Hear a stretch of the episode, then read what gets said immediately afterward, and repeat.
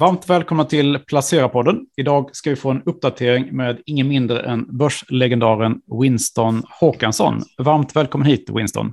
Tackar så mycket. Det är alltid roligt att vara med här. Ja, vi har ju eh, haft ganska skakig börs här de sista veckorna. Hur ser ja. du på läget nu?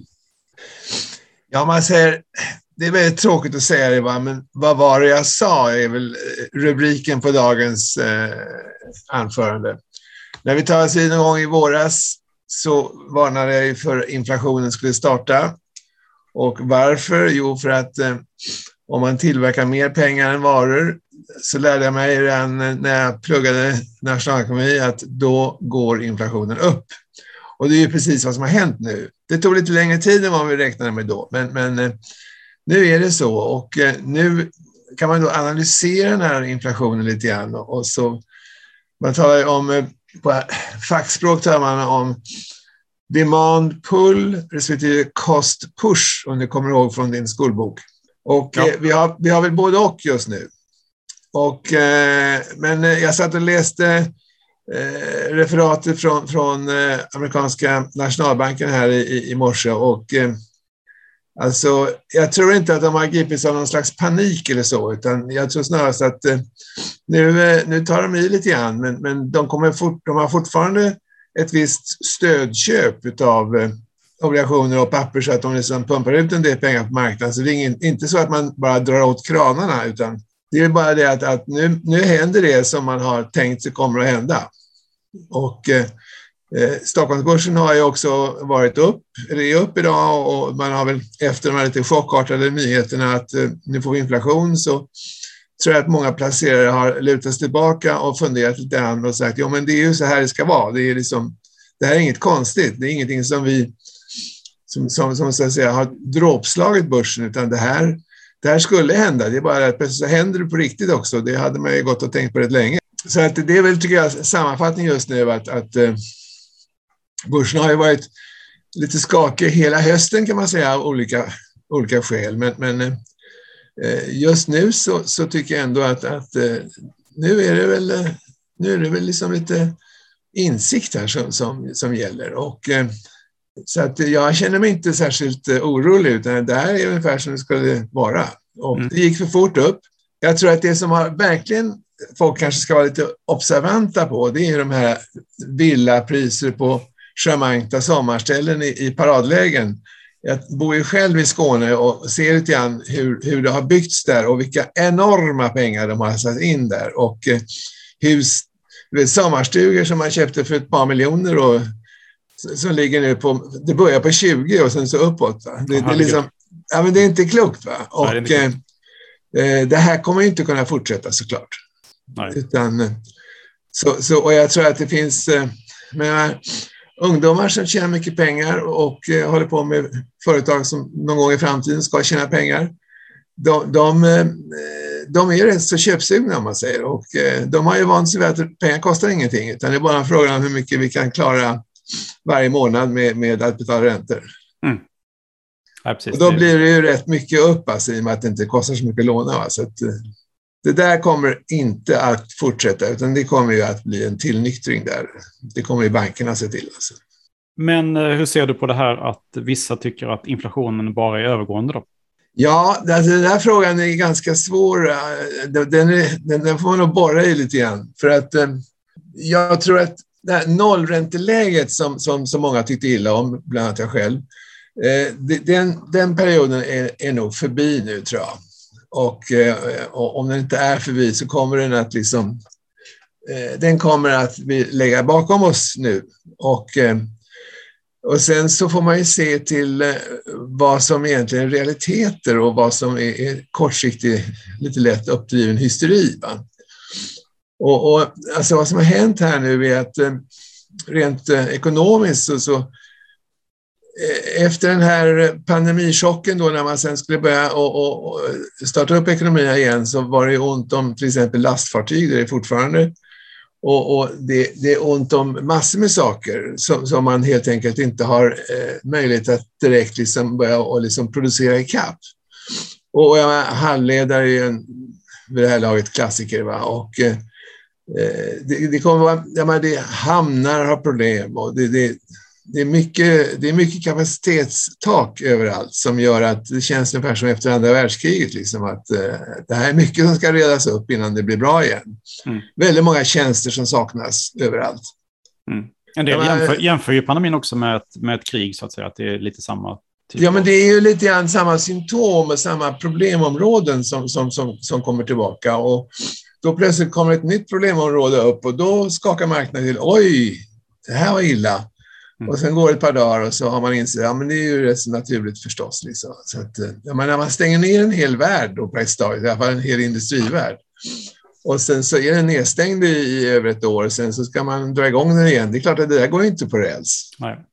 Och det, men det har ju, börsen har ju en tendens att bara ta en sak i taget. Mm.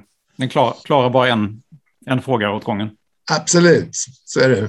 Jag kommer ihåg att jag har varit lite skeptisk till banker, framförallt till svenska banker. Och jag, Väldigt länge va? Mm. Ja, ganska länge. Och jag, jag kan gärna erkänna att, att en del banker, några banker har ju gått upp rätt mycket, men, men eh, jag är fortfarande skeptisk till det. Jag, jag är inte så sugen på banker, men, men eh, och jag är inte så hemskt sugen på fastigheter heller, får jag säga. Ja. Utan eh, det, det jag, ser på, jag har ju själv faktiskt bara en fastighet i min portfölj och den har jag haft rätt länge. Huvudstaden? Huvudstaden, precis. Mm. Mm. Och det har ju varit en ganska slätstruken placering, för, för att inte säga jämfört med andra aktier så har det varit en dålig placering. Och, och eh, ändå är huvudstaden ett av de så att säga, säkraste och mest liksom, guld kantade fastighetsbolag vi har på börsen historiskt sett. Mm. Men det beror också på att de har mycket fastigheter i eh, fina affärslägen och där finns det mycket affärsinnehavare som har haft problem, eller har problem, och då har börsen tagit till sig det rätt mycket. Kanske lite för mycket tror jag, så att jag säljer inte mina huvudstäder nu, utan jag, jag tror att de kommer igen. Nu har jag noterat, eh, apropå affärslägen, när man går runt i Stockholm city, eh, nere runt eh, Birger Jarlsgatan, Norrmalmstorg, uppåt Stureplan där. Och man ser på alla de nya affärer som kommit dit. Alltså det är helt fantastiskt. Nu såg jag när jag gick ner bara igår eller förrgår, jag har ju varit i Skåne mycket, men så såg jag att nu har ju Tiffany's öppnat på Birger Mm. Mm. En ny affär. Mm. En ny paradaffär mitt mot Rish kan man säga. Det är, liksom, det är New York, och London och Paris. Va? Det, mm. det finns det här också. Så det är klart att de här fastighetsägarna kommer nog att klara sig rätt bra ändå, tror jag, huvudstaden. Då. Så lite varningens finger för fastighetsmarknaden då, tycker du? Då? Alltså jag tycker inte att man ska kanske... Jag köper inga fastighetsaktier just nu, men, men mm. jag tror att om inflationen får hålla i sig på en relativt måttlig nivå, då vet man historiskt att fastighetsaktier är bland det bästa man kan ha. Mm. Så att man ska nog inte sälja ut några fastighetsaktier utan vidare. Men jag är lite försiktig med det. Men det finns nog några som är rätt bra också, men jag har inte gått igenom dem så noga just nu. Så det kan vi ta nästa gång. Men, men eh, historiskt sett så kommer fastighetsaktier att gå bra om vi får en inflation igen. Vad, vad är det annars du har noterat? Ja, men jag, jag har som vanligt gjort en liten... Eh, jag har ju en, en 45-50 eh, papper i portföljen. De åker lite ut och in. Och eh, jag har som vanligt gjort en liten lista på vilka som, som går bra nu. Mm. Och, eh, Låt oss höra. Ja, eh, och då tar jag en uppifrån och ner idag, för det, det, jag brukar göra lite mm. olika. Eh, det som går bäst just nu i min portfölj det är Embracer Group. De är upp 16 procent den här månaden. Mm. Spelbolaget. Spelbolaget. Och eh, deras affärsidé var ursprungligen de heter någonting annat, THQ, THQ eh, någonting. Nordic något mm. Nordic var det. Mm. Eh, deras affärsidé var ju att köpa upp eh, tråkiga, slitna eh, spelidéer och så, och så friska upp dem. Och det där har de gjort med en fullständig bravur. Alltså. Och, eh, så den aktien har ju stigit kraftigt nu. Näst bäst i min, eh, på min, i min portfölj, det är Investor faktiskt. Men de har ju inte gått upp lika mycket som, eh, som Embracer. De har gått upp eh, ungefär 8 procent på en månad. Mm. Men det är ändå bra för att vara ett sådant bolag. är det fantastiskt. Absolut. Och om vi backar till Embracer bara, när, när var du köpte aktien? För den har ju gått ganska ja. dåligt på året väl? I år har det gått dåligt. Alltså jag köpte dem, eh, jag köpte dem för minst fem år sedan. Okej, okay. mm. så det har ja. varit med länge. Mm. Ja, alltså jag kan säga att den där aktien ligger jag väl upp av anskaffningsvärdet så, så är det 5-7 procent som är betalt. Alltså. Okej. Okay. Mm. Så att de där har gått fantastiskt bra. Jag ser att på tre år har de gått upp eh, med 242 eh, procent. Och på okay. fem år har de gått upp 1800 procent. Det... Okay. men så länge har jag inte haft dem. Jo, det har jag nästan. Det har jag nästan. Mm. Så att, eh, mm, det där är en av de bästa aktierna just nu. Mm. Sen en aktie som nummer tre på listan är UPM Kymmene som inte har rosat marknaden precis. Men, men nu kommer vi ju in i ett läge här nu när man börjar titta på, räntebär, på äh, avkastande aktier. Och, äh, skogsaktier har ju varit lite strykpojke här äh, rätt länge. Och jag vet inte om man ska säga att skogen är bra just nu, men UPM går bra. Rimligtvis borde skogsaktier vara i ett, så att säga, ett nyinflationsläge, om vi får kalla det för det då är skogsaktier eh, eh, ett köp, definitivt. Mm. Och eh, CTT Systems, också en gammal bekant. Och det är lite förvånande att de går just nu, så jag har inte analyserat vad som har hänt, men de är upp 7 procent ungefär på en månad. Det är luftfuktare till flygplan och sådär va? Ja, just det. Mm. Precis vad det är. Och mm. det är ett världssystem verkligen. Alltså, de har ju varit otroligt framgångsrika, men varför de går så bra just nu är det för att man tror att eh, liksom, eh, nu är pandemin borta och nu är det fritt fram för turistflyg och affärsflyg och så. De senaste dagarna verkar inte tala för det, utan det är precis tvärtom. Va? Nu är det en ny, mm. som du vet. Men samtidigt är det ju så att eh, jag kollar på Airbus prognoser för de kommande åren och de ser ja. väldigt, väldigt bra ut. Så att det... Airbus ser väldigt bra ut. Jag, är väldigt, jag tittar på dem också. Jag håller med dig. Jag är mycket sugen på dem. Så det var CTT. Sen har vi ett bolag som du är lite halvbekant med som heter Creades. Mm, absolut. Avanza-ägaren. Avans, den största aktien är Avanza. De har ju gått upp 6% här på en månad. Mm. Creades har ju varit en fantastisk placering under årens lopp och eh, eh, de har ju alltså gått upp, på fem år har de gått upp 450 procent. Mm. Det är ganska mycket för ett investmentbolag. Väldigt, väldigt, väldigt bra för ett investmentbolag. Man. Ja, det är det. Och jag menar, det är ju Avanza är ju eh, the jewel of the crown i, i eh, Grades, men de har mycket andra fina saker också. Apotea äger de också?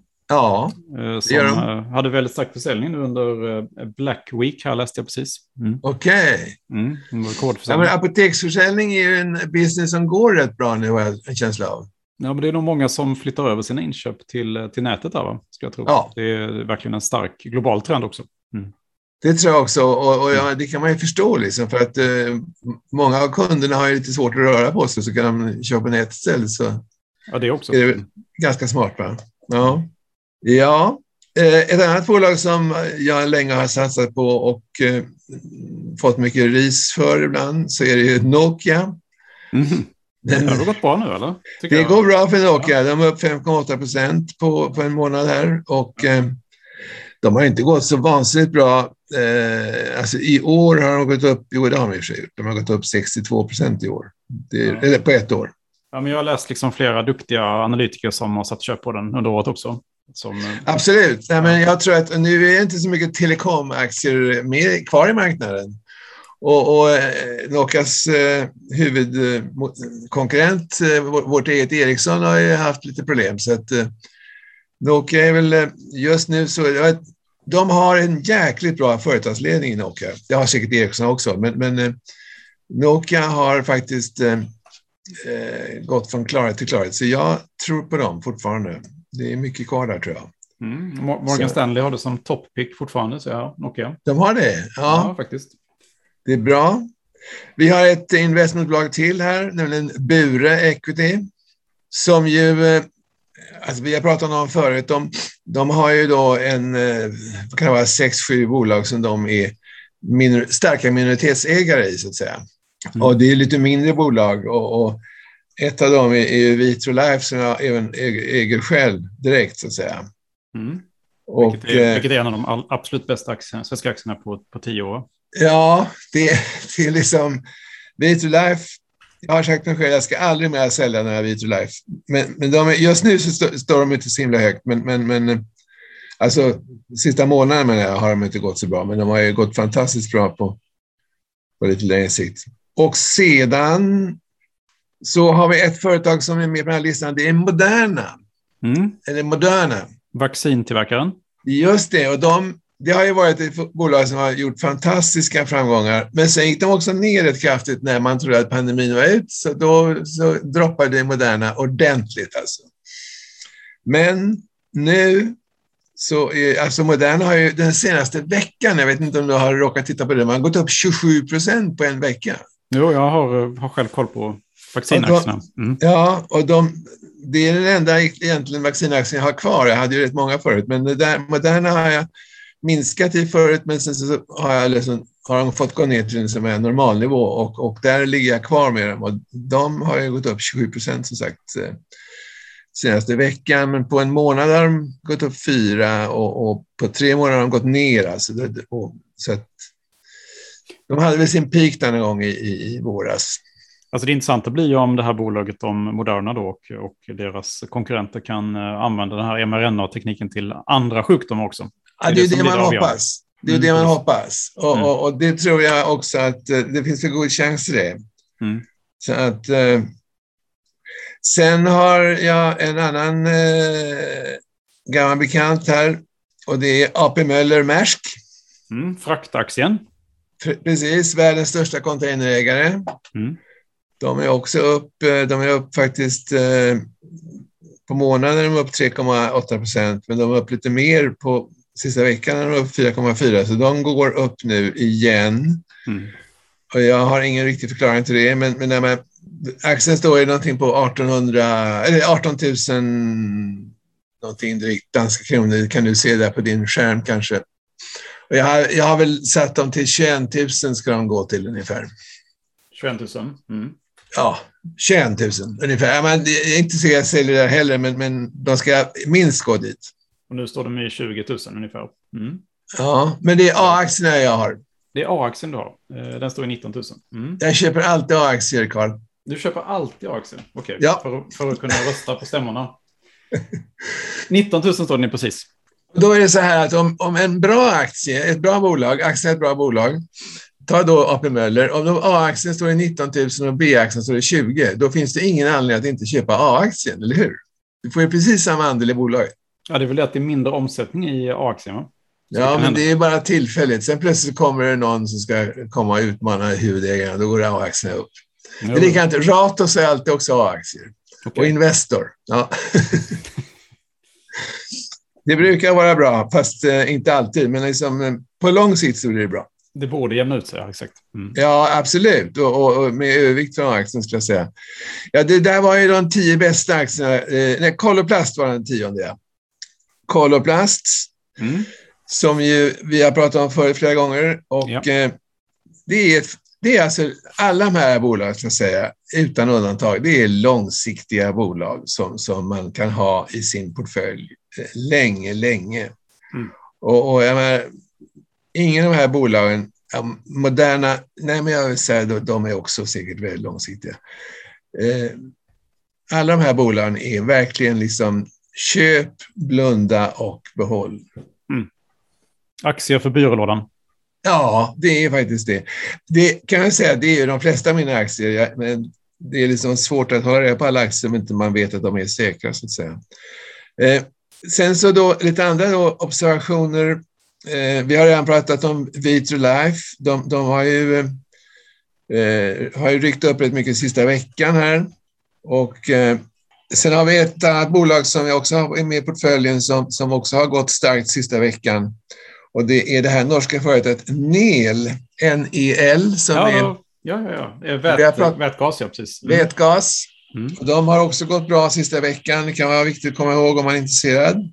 Och Alltså NEL har ju en historia. De grundades redan 1927. Mm. Och eh, de har haft, alltså, redan när jag gick i skolan kommer jag ihåg att det pratas om, eh, om, om tungvattentillverkning. Tungvatten, eh, ja alltså man gjorde vätgas av tungvatten i mm. Norge. Mm. Och, men då var ju det liksom en, liksom en liten sån här eh, kuriositet bara. Va? Men, men mm.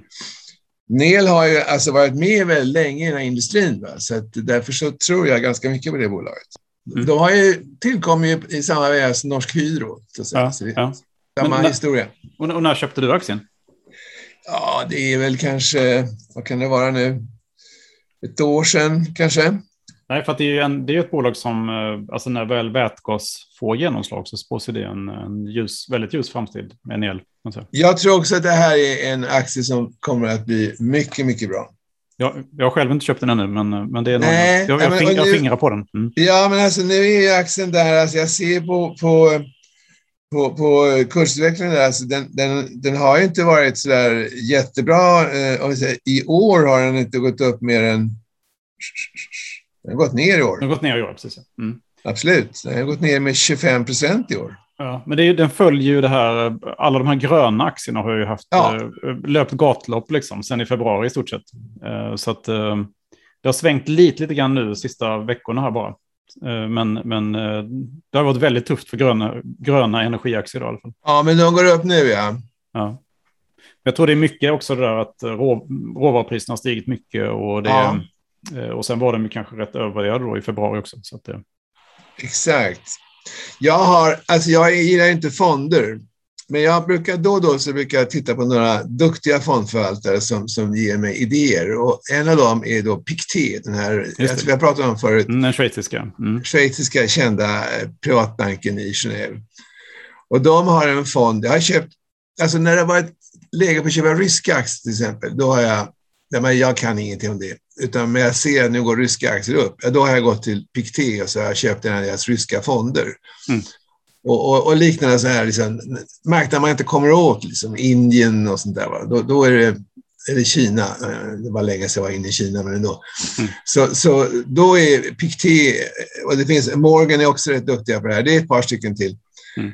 som är väldigt duktiga på det här. Och eh, Pictet ska jag säga är, och de kan man följa i, i, i tidningen, de står ju deras, alla deras fonder står i Svenska Dagbladet varje dag, så att man kan följa dem där.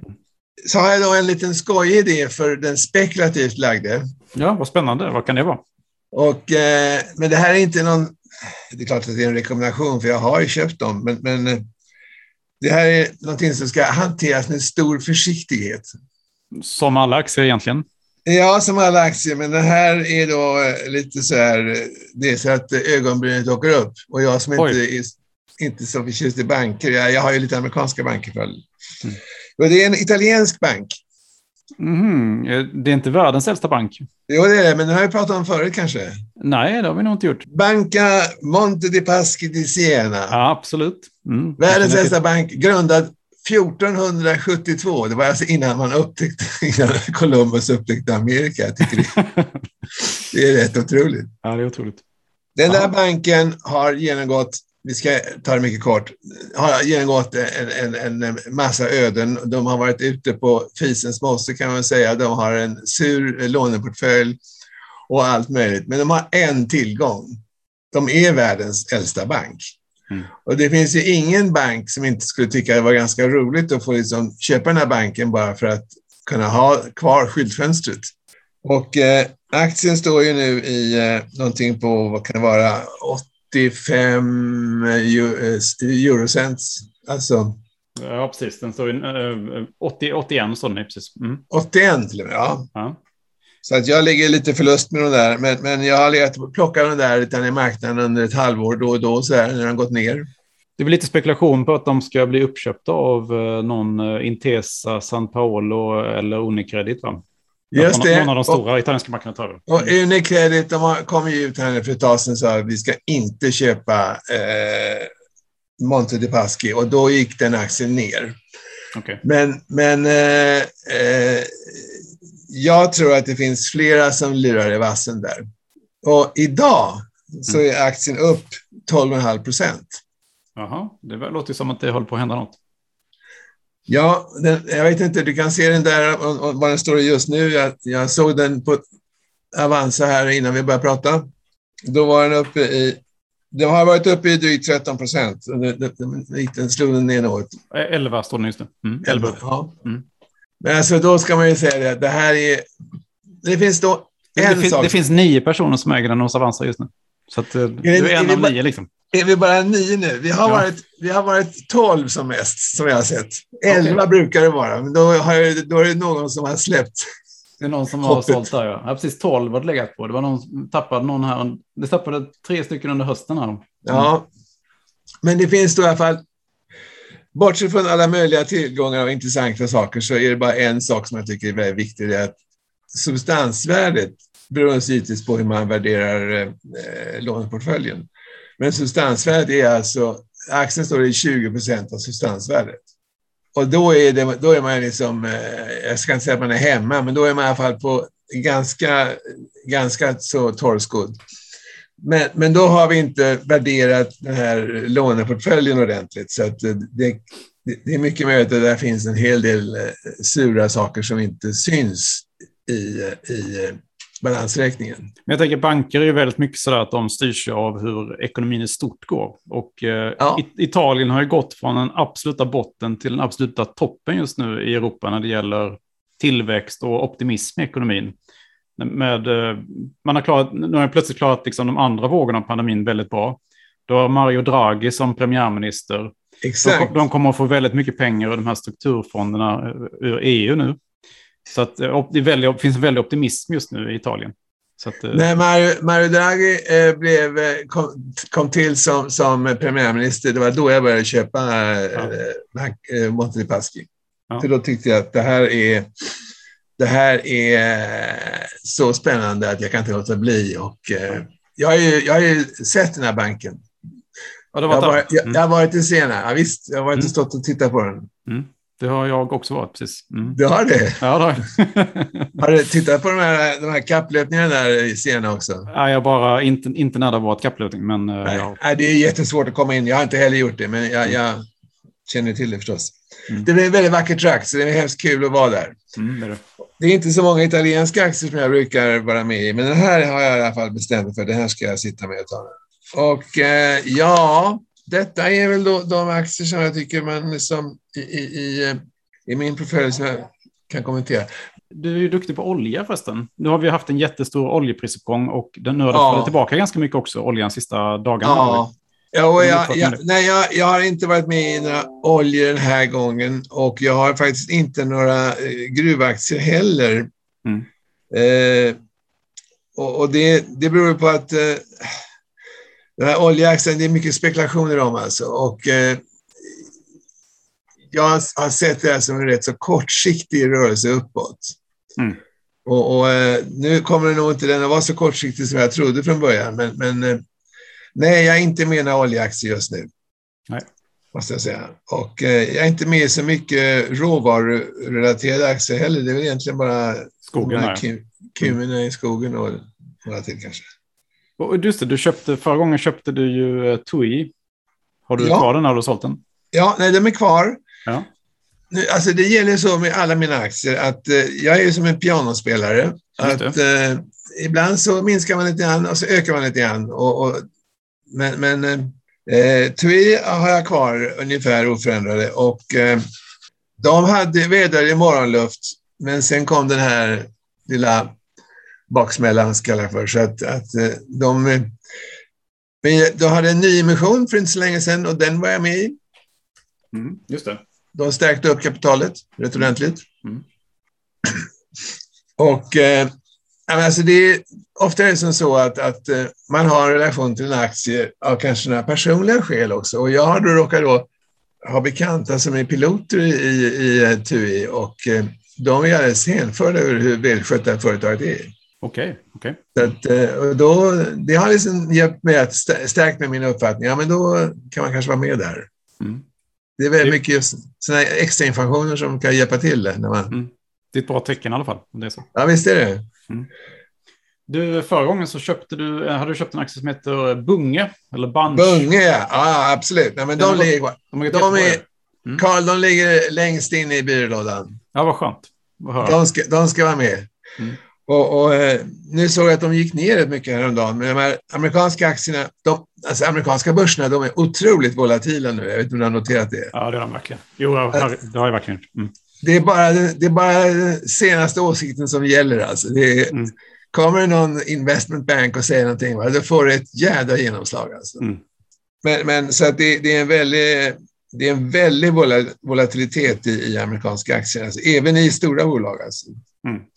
Och, och jag menar, plötsligt så, så ska de här stora eh, fangbolagen, de, de, är inte värda någonting och då rasar de ner och sen så tar det inte så lång tid så är det bara de som gäller i alla fall. Och, jag menar, det, det, och man får vara liksom lite, man får luta sig tillbaka och försöka sortera ut allting. Så att, eh, menar, det är till exempel som IBM som jag då råkar ha. Det, det, de har ju nu en ny vd som, som jag har låtit ta om sig rätt mycket. Och, och, ja, alltså några bolag har jag för att jag tycker att de har en genomtänkt affärsplan och dessutom bra siffror. Och IBM är ett sådant bolag. Va? De, det, det är en väldigt bra avkastning i dem. Mm. Och det är inte särskilt högt P-tal heller. Jag menar, vi som har varit med länge, vi kommer ihåg att IBM var sån här, som, sån här one decision stock. Liksom. Mm. Köp och glöm. Mm. Det, det, är som Apple eller kan man säga idag? Kanske. Ja, mm. en, en, en, en sentida Apple. Mm. Så att, eh, och, och Bunge är då, för att komma tillbaka till dem, de, de, de har en säker affär. Det är, inte lika spek det är inte lika spektakulärt kanske som många andra företag, men de har en väldigt säker affär med sin spannmålshandel. Va? Mm. Och, och, de har liksom i stort sett hela fältet av... Jag, såg precis att vetepriset är på i alla fall åtta, nio års högsta. Mm. Ja, och nu är de inte så mycket inne i vete ska jag väl säga i och för sig, men, men, men jag tror vetepriset är ju liksom en, en reflekterar hela, hela den här handeln med, med grödor, så att säga. Och, eh, mm. eh, och det är ju naturligt att de i det här läget ska ligga på topp i, i vetehandeln. Alltså. Mm. Men Bunge, de har funnits sedan 1818. Det är ganska bra record tycker jag. Verkligen. Länge. Ja, den började i Holland. Mm. Där har namnet Bunge. Okej. Okay. Och sen kom de till Sydamerika och så småningom så kom de till Amerika, till New York. Så de, de har inte varit amerikanska mer än i hundra år ungefär. Mm. De där 200 åren. Jag förstår. Mm. Ja. Alltså börs, börsföretagshistoria är ju ett av mina favoritämnen. Ja, det är fantastiskt kul. Mm. Ja, jag vet jag skrev... att du, du är intresserad också. Ja, visst. Jag skrev en Levi's här eh, för några dagar sedan. Och Jaha! Det är också en fantastisk historia. Liksom. Ja, det är det verkligen. En, en, en tysk-judisk eh, migrant då, liksom, som eh, kom till New York och sen till San Francisco. Då, och, eh, Men hela... Det, det, alltså, hela vad vi kallar för the rag trade, alltså hela den här textilhandeln, va? det är väldigt mycket tyska judiska familjer i, i botten som har, som har kommit till Amerika och som sen har... De fick ju inte arbeta i Tyskland, eller Nej. blev motarbetade i alla fall.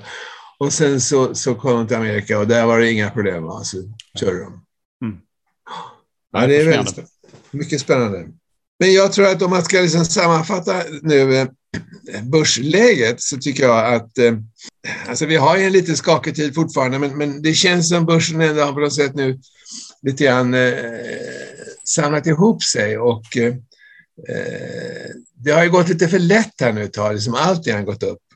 Det har kommit många nylanseringar som jag, inte bara jag, jag tror att rätt många med mig har satt som satt frågetecken för. Så det här, det är priser som inte liksom, vi känner igen där. Hur ska man kunna räkna ihop det här? Va? Det, det.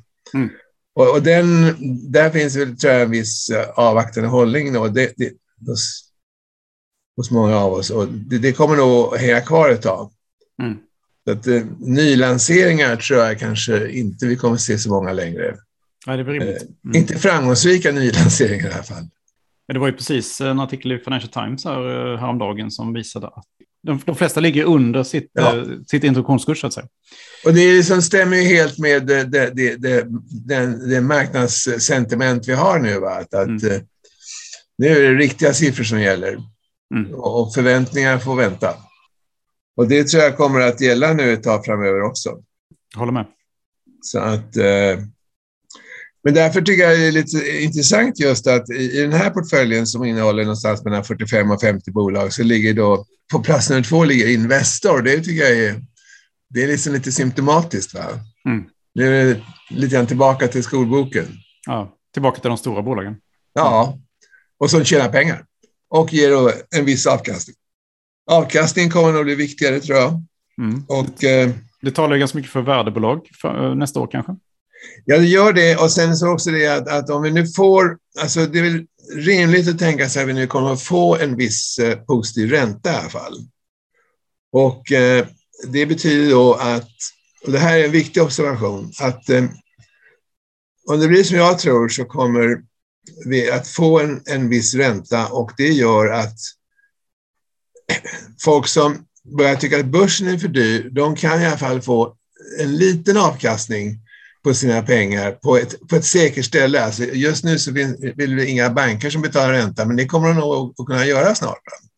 Mm. Och, eh, och då kommer ju börsen inte vara lika självklar längre. För idag har det varit så att man säljer för nu har det gått upp och sen så sitter man och funderar, vad ska jag med pengarna? Ja, det finns ingenting. Och så går de in i börsen igen. Va? Så mm. har det varit nu ett bra tag. Ja. Under hela den här minusränteperioden. Va? Men, men den tiden tror jag vi kommer att få se en förändring i. Mm. Vilket ju väl alla har väntat sig ska hända någon gång, men, men nu tror jag att nu är det på väg. Alltså. Vilket alla vill också egentligen. Va? Absolut, absolut. Mm. Inte minst bankerna själva. Så att eh, det blir bra tror jag när vi får den perioden. Mm. Mm. Men börsen kanske då kommer att vara som gå, gå tillbaka till någon slags lite mer normalläge då. Inte, inte rusa. 7-8 procent per år? På ja, kanske någonting sånt där. Och då kan man ju fråga sig hur många procent har vi fått nu? Alltså det, om man ska betala tillbaka någonting eller inte.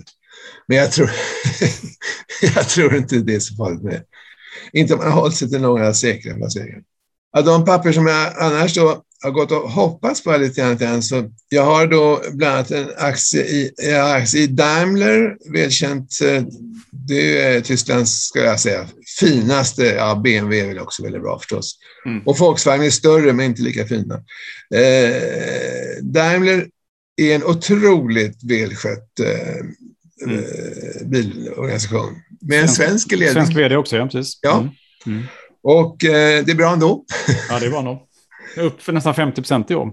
Ja, och, och eh, jag har faktiskt Daimler. Just nu har de inte gått så bra på ett tag, men, men, men eh, vi ska se, i år har de gått upp ändå. På ett år har de gått upp 48 procent, det får man säga rätt bra. Ja, det är väldigt bra.